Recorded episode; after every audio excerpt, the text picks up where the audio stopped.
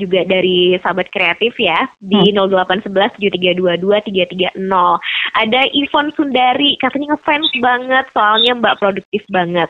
Gimana hmm. caranya untuk penulis penula itu bisa menulis walaupun sebenarnya nggak pede, ngerasa tulisannya belum bagus gitu. Terus hmm. gimana caranya menemukan gaya penulisan? Misalnya kayak Terelie kan katanya udah punya gaya penulisan sendiri. Aku masih bingung soal itu. Gimana Mbak? Hmm, kalau menurut aku zaman sekarang ini justru banyak banget jalan buat uh, para penulis pemula gitu me mencoba menulis berani menulis. Karena kan sekarang ada platform platform berbagai macam ya platform menulis ya.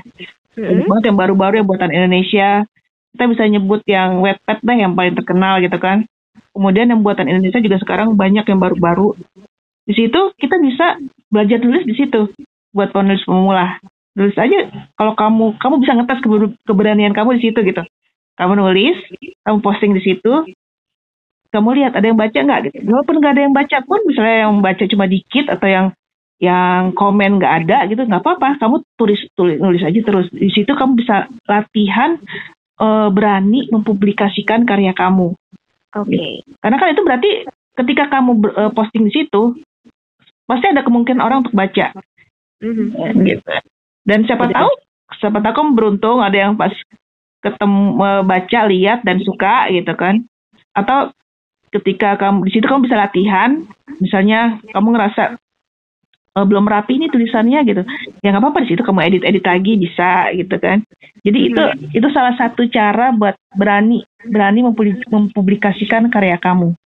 Kalau untuk nulis, -hmm. nulis itu emang ha, uh, kuncinya itu emang harus percaya diri sih harus percaya diri. Oke. Okay. Oh.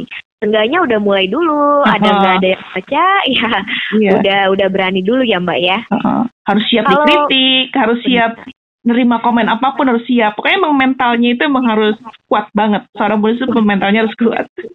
Asik.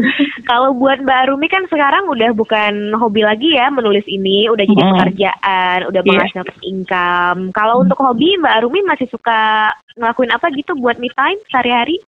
Oh, kalau hobi masih tetap uh, baca dan nonton film sih hobinya.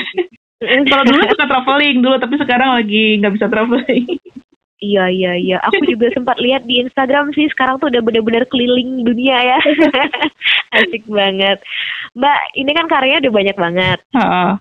Uh, aku sendiri sudah baca banyak sih yang aku baca kayak hatiku memilihmu udah yeah, terus cinta Valinia aku juga udah pernah baca yeah. um, merindu cahaya di Amstel udah pernah juga dan masih yeah. banyak lagi sebenarnya dari uh. semua karya-karya itu mana yang paling jadi favorit banget bagi Mbak Arumi Wah, susah tuh pertanyaannya. Banyak soalnya. Jadi banyak. Semua punya kisahnya masing-masing. Mm -mm. Yang uh, paling tantangan deh nulisnya. Paling menantang ya. Uh, Pertama itu tantangan terberat waktu dulu aku masih masih dalam aku bilang masih masa masa latihan lah. Itu tahajud cinta di kota New York. Udah baca belum? Yang itu udah udah. Udah. Yang ya? katanya mau difilmkan kan? Eh apa udah ya?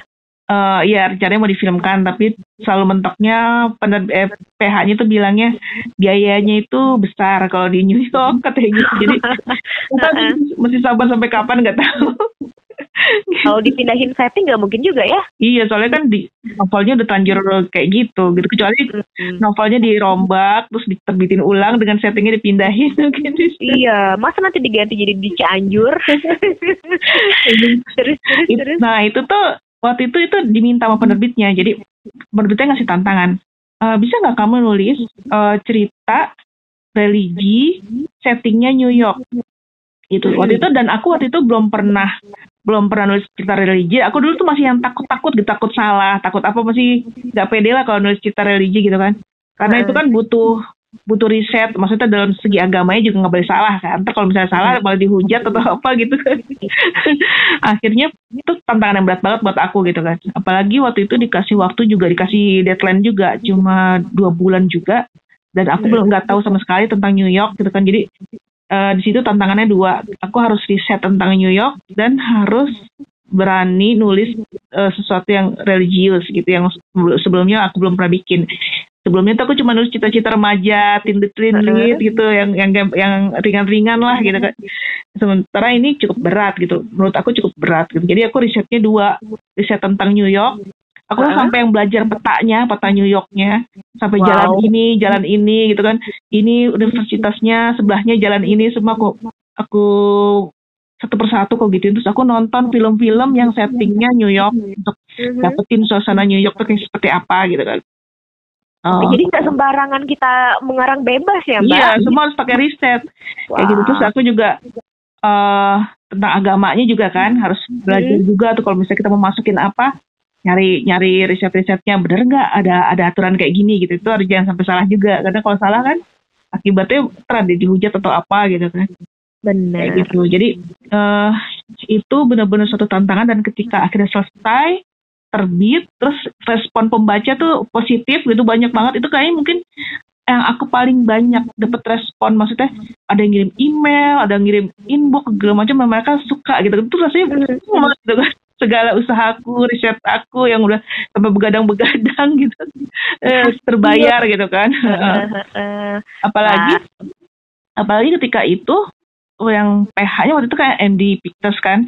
Tiba-tiba mereka ngubungin aku DM di Facebook terus aku langsung okay. dia ada ada jadi kan ketahuan gitu kan aku ini siapa ya? gitu kan inbox gitu kan terus ada keterangannya creative managing uh, MD Pictus kalau saya dong apa nih apa nih? gitu. Terus udah dia bilang e, kami tertarik sama novel kamu Tajud Cinta di Kota New York gitu kan. Uh, Uh, bisa nggak datang ke kantor? gitu kan. Udah akhirnya aku datang ke kantor oh, aku perasaanku udah ah nggak keluar gitu kan. Seneng banget gitu nggak nyangka Hmm, terus uh, mereka bilang itu nggak sengaja mereka nemu novelku itu ketika dia sedang jalan-jalan di toko buku gitu kan. De, tapi mereka memang uh, PH PH itu mereka selalu mencari sih, mencari memang mereka kerjanya uh, jalan-jalan toko buku lah atau googling-googling gitu kan nyari-nyari nyari-nyari cerita yang menarik gitu untuk difilmkan okay. dan mereka nemukan itu gitu tapi uh, tapi terus karena MD Pictures itu kan uh, banyak banget tuh apa namanya uh, uh, listnya gitu ya. Uh-huh. Yang ngantri, yang ngantri pengen difilmin banyak gitu kan. Banyak. Ya udah akhirnya sampai kapan akhirnya kesekian sampai akhirnya kemarin. Nah, itu ada cerita yang uh, yang seru lagi. Jadi akhirnya udahlah aku udah pasrah deh gitu ya udah deh nggak tahu deh kapan deh tajud cinta di film ini gitu sampai yang aku suka juga adalah aku tahu kapan kamu mati itu juga aku suka Mm. Baca belum? Itu udah difilmkan ya. Ah, aku uh, berani kalau yang genrenya seperti itu. Padahal seru loh. Iya. Karena aku karena aku kalau kan filmnya, Mbak. Uh, kalau kata pembaca ceritaku yang horor, mereka tuh sukanya mm -hmm. sama cerita hororku nggak cuma nakut-nakutin ada hantu muncul nakutin gitu enggak tapi eh? ada misterinya misteri yang harus dipecahkan ada teka-tekinya dan itu yang bikin mereka seneng gitu karena mereka jadi ikut ikut nebak-nebak gitu ikut ah jangan sih ini nih jangan ini gitu. Okay. itu yang, yang bikin mereka tertarik gitu kan. Terus, nah itu. Aku nggak hmm. suka spot jantung. Yeah. adrenalin terpacu ya. Terus gimana mbak? Nah itu itu sebenarnya asalnya dari cerpen yang pernah aku tulis tahun 2010 wow. Dan cerpen itu terinspirasi dari artikel yang pernah aku baca. Jadi dulu zaman itu ada uh, host terkenal di Indonesia. Oke. Okay. yang dia aku baca di berita gitu di artikel dia dia, dia cerita bahwa dia bisa melihat tiba tiba-tiba aja tiba-tiba aja dia punya kayak dikasih kemampuan gitu kan. Dia mm-hmm. bisa ngelihat tanda kapan orang akan meninggal gitu. Oke. Okay. Dia tadinya nggak nggak sadar gitu pas ketika dia ngeliat, ih kok kayaknya nih orang pengen ini deh gitu kan. Bener gitu loh. Serem banget ya. Terus makanya akhirnya dia dia tuh yang nggak mau kalau diajak jenguk orang ke rumah sakit dia nggak mau gitu. Karena di rumah sakit tuh banyak banget banyak banget kan. Gitu dia akan oh dia kan akan ngelihat banyak banget gitu. Dia ah enggak sih nggak mau gitu. Terus, terus pas saya baca itu ah, keren banget. Maksudnya itu ide langsung terbetik ide. Wah kayaknya seru nih ya bikin bikin tokoh yang punya kemampuan seperti itu gitu kan. Dan itu cuma jadi cerpen uh, itu cuma jadi hmm. cerpen yang pernah aku kirim ke sebuah majalah remaja tapi nggak nggak pernah ada kabar gitu. Okay. Ditolak enggak, diterima juga enggak. Uh -uh. gitu sampai sampai akhirnya tahun 2017, tujuh tahun kemudian gitu. Mm-hmm. Aku ketemu temanku, temen mm-hmm. temen kuliah. Terus aku baru tahu kalau dia tuh indigo. Oh. Pas ngobrol-ngobrol, ah, kamu indigo? Iya, terus dia, dia tuh yang uh, bisa bener bisa ngeliat iya terus, terus dia tuh yang bilang padahal kita ketemunya di mall gitu kan terus dia bilang hmm. itu di situ ada di situ ada gitu aduh aduh, aduh. terus dia ngasih okay. tahu dia ngasih tahu pengalaman dia dia cerita tentang pengalaman dia terus uh, dia ngeliat dia ngasih tahu ciri-ciri mereka tuh gimana sih maksudnya kebiasaan si hantu-hantu itu kayak gimana gitu.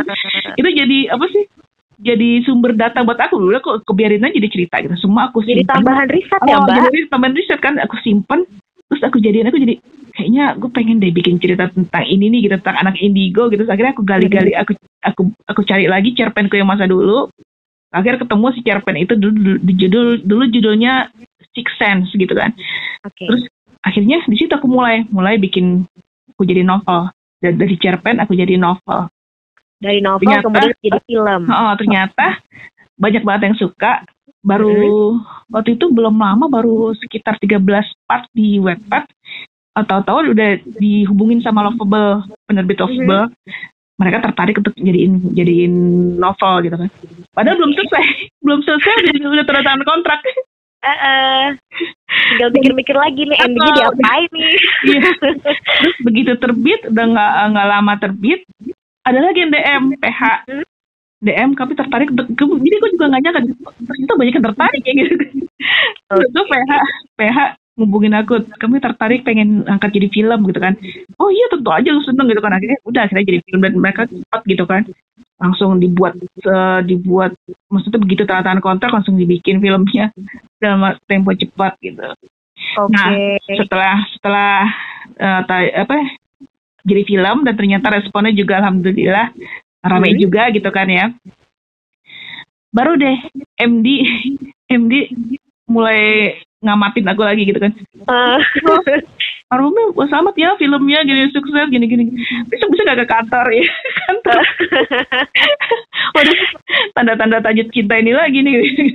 Oke. Okay. Gitu. Tapi kalau yang merindu cahaya DM Store kan beritanya udah santer banget dari beberapa waktu lalu ya Mbak. Sebenarnya progresnya udah uh. sejauh mana sih? Kalau iya. gitu?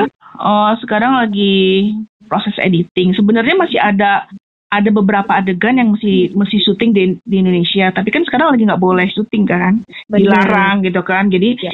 ya terpaksa kita berhenti dulu. Jadi sekarang kegiatannya tuh masih ngedit-ngedit bikin soundtrack gitu-gitu.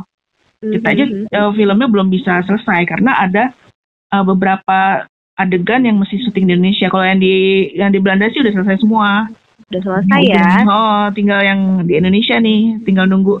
Boleh aja gitu. Misalnya pemerintah udah membolehkan kegiatan syuting, baru baru ditambahin. Lagi. Oh, lanjut lagi gitu. Wah. Kayaknya sih tahun tadinya rencananya mau tahun ini pas lebaran hmm. tadinya, sebelum ada covid-covid itu. Kita udah ya, ya, kita udah semangat banget gitu kan. Ini terus tayang lebaran gini-gini. Wah asik banget diseru gitu. Eh nggak taunya keadaan kayak gini kan. Jadi mungkin tahun depan mungkin baru baru bisa tayang Kayak okay. kita sabar aja nih nunggu keadaan membaik. Tapi banyak juga sih yang tertunda sampai ke tahun depan. Mm -hmm. Karena emang pas banget pas di momen-momen lebaran film iya. yang genrenya kayak gitu ya Mbak ya. Iya, cocoknya sih pas di suasana lebaran emang. Mbak, Mbak gimana perasaannya pas awal-awal apa novelnya mau difilmkan? Itu kan goals banget ya. Secara oh. kalau penulis bukunya udah difilmkan tuh kan wah itu pencapaiannya udah udah level yang berbeda sih. Uh -uh. Gimana yeah. Wah, oh, bahagia banget sih. Kayaknya salah satu mimpi yang terwujud gitu. Uh, uh. Emang pernah bercita-cita novelnya bakal difilmkan sebelumnya? Ah iya ada sih, ada ada harapan seperti itu ada gitu.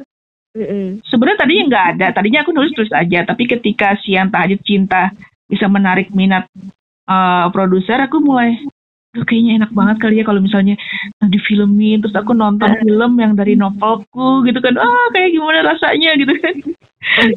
Akhirnya bisa terwujud gitu kan terwujud dan oh, kayak gini ya rasanya ya. Aku sampai nonton empat kali loh. Tapi gara-gara gara-gara ada covid berhenti kan padahal tadinya aku pengen nonton lagi. Iya sekarang nggak boleh dulu ke bioskop. Oh. baru mi ini ada WhatsApp yang masuk aku bacain dulu ya. Iya dari Nina Mustika. Katanya dia ini hmm. udah baca buku Mbak Arumi yang Zara Sang Detektif Cilik. Oh Benar? iya iya iya betul. Uh, katanya ada rencana untuk nulis buku anak lagi nggak? Terus oh. menurut Mbak Arumi apa sih perbedaan yang paling kerasa ketika nulis novel untuk orang dewasa sama buku anak-anak? Hmm, hmm. kalau untuk sekarang ini memang belum ada rencana sih karena menurutku malah nulis cerita anak itu susah. Kenapa? Kalau pengalamanku karena dia harus kita harus uh, sebagai penulis kita harus bisa dari dari sisi si anaknya seolah-olah kita jadi anaknya gitu. Mm-hmm. Jadi bahasa kita itu harus ya bahasa yang bisa dipahami oleh anak-anak karena pembacanya kan pasti anak-anak nantinya gitu. Oke. Okay. Nah jadi itu itu perlu latihan juga jadi nggak nggak gampang nulis cerita anak aku juga waktu itu pernah dari dari aku nulis cerpen remaja ke nulis cerita anak di Bobo kan mm-hmm. pas ngeliat Ih, kayaknya aku masih cita-cita banget deh bisa karyaku tuh terbit di Bobo karena aku dulu tuh seneng banget baca cerpen-cerpen di Bobo gitu kan. Uh-huh. Pokoknya itu udah udah tujuanku lah bisa terbit eh bisa dimuat cerpen di Bobo. Jadi setiap ada lomba cerpen di Bobo biasanya dulu setiap tahun ada. Kalau sekarang nggak tahu masih ada nggak ya? Dulu selalu ada tiap tahun lomba cerpen. Aku, aku selalu ngirim. Lagi Bobo. udah nggak tahu perkembangannya gimana. Oh, makanya udah lama juga nggak baca. Aku selalu ikut gitu, selalu ikut gagal, nggak pernah menang, ikut nggak pernah menang. Sampai yang ketiga kali, kalau nggak salah ketiga kali. Eh, ketiga kali apa kedua kali ya? Aku ikut, nggak menang, tapi dimuat. Mm-hmm. Jadi jadi ada ada surat gitu dari si Bobo. Uh, ini nggak menang, tapi dimuat gitu kan. Oh, iya nggak apa-apa dimuat udah serem banget, udah girang gitu kan. Ah, dimuat gitu. Kayak gitu dan itu aku latihannya cukup lama jadi ternyata bahasa untuk yang bisa dibaca anak-anak dengan remaja kan beda gitu. Kalau remaja kan mungkin ya lebih gampang karena kita lebih sering aku lebih sering lihat remaja lah daripada gaul sama anak-anak gitu. Oke oke oke. Gitu. Jadi jadi jawaban untuk Nina tadi uh. untuk sekarang belum ada planning ya untuk bikin project. Oh iya belum ada sih belum ada. Oke deh. Ini ada pertanyaan juga dari sahabat kreatif dari Reti. Gimana Mbak caranya untuk melakukan branding sama marketing yang menarik biar orang tertarik mau beli buku-buku karya kita? Nah, Gimana tuh Mbak? Nah, itu emang itu paling berat sih. Jadi uh, penulis zaman sekarang itu perasaanku lebih berat daripada mungkin zaman dulu penulis-penulis kayak Mirawe gitu misalnya ya. Mm-hmm. Dia kan nggak perlu capek-capek promosi bukunya udah udah orang udah pernah tahu udah pasti beli. Gitu. Kalau uh-huh. kalau yang zaman sekarang uh, penulis harus aktif juga gitu. Ya kita harus punya medsos walaupun walaupun mungkin ada orang yang nggak nyaman gitu punya medsos, tapi penulis itu harus punya karena di situlah dia bisa mempromosikan karyanya. Bisa dengan uh, bikin macam-macam lah. Dia ber, hmm. berinteraksi dengan followernya gitu kan. Apakah dia bikin giveaway atau dia bikin live Instagram bagi-bagi misalnya bagi tips menulis gitu kan di di live Instagram. Pokoknya hal-hal yang menarik yang kayak gitu. Jadi aku manfaatin sih sekarang ini di Instagram sih yang paling ini. Karena Instagram itu menurutku banyak fasilitas yang bisa bikin aku jadi terikat sama followersku gitu sama yang misalnya bikin giveaway atau misalnya aku pengen nulis nih uh, uh, tentang tips nulis mau nggak? gitu. Mau nonton nggak? Misalnya mau mau mau gitu. Kita bikin okay. kayak gitu gitu jadi emang ya itu penulis harus punya medsos kalau aku waktu itu aku punya medsos punya YouTube terus mm-hmm. webpad uh, itu jadi jadi tempat aku mempromosikan karya-karyaku tapi kita juga nah, punya harus punya etika. Kita punya etika. Hmm, uh, kita hanya uh, mempromosikan karya kita di akun kita sendiri gitu. Jadi kan banyak waktu di Wattpad tuh yang menurutku sih kurang etis gitu ya. Ada yang misalnya dia promo karyanya di uh, dicipta orang di komenan orang gitu kan.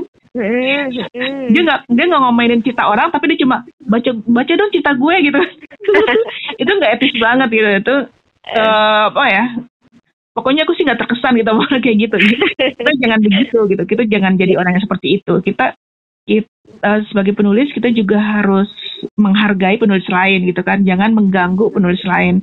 Kita hanya promosi di akun media uh, kita sendiri. Kecuali kalau emang kamu pengen uh, minta promo dipromosiin gitu misalnya sama akun-akun yang memang mereka menawarkan mempromosikan karya kita. Ada sih sebenarnya uh, akun-akun yang memang mereka menerima gitu. Misalnya kita mau tolong dong promosiin uh, karya saya gitu.